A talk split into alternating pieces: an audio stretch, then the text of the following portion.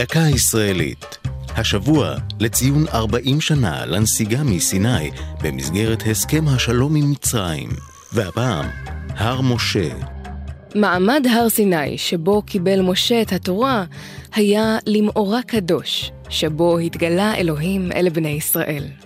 אולם הר סיני, ששם לפי המסופר בספר שמות, קיבל משה את לוחות הברית, מעולם לא זוהה. המסורת הנוצרית ממקמת את הר סיני בג'בל מוסא. מסורת זו, שהתקבעה במאות הראשונות לספירה, היא שנתנה להר את שמו בערבית. ג'בל מוסא הוא הר משה.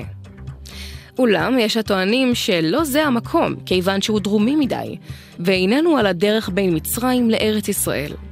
המטיילים המבקשים למצוא חלופה לחופי סיני הרגועים, נוהגים לטפס על ההר במהלך הלילה כדי לצפות בזריחה מהפסגה.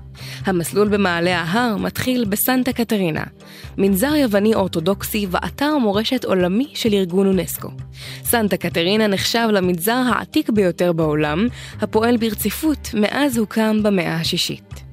שמו המקורי של המבנה הוא מנזר ההשתנות, אך מאז נבנה, לא נהרס והשתנה מעט מאוד.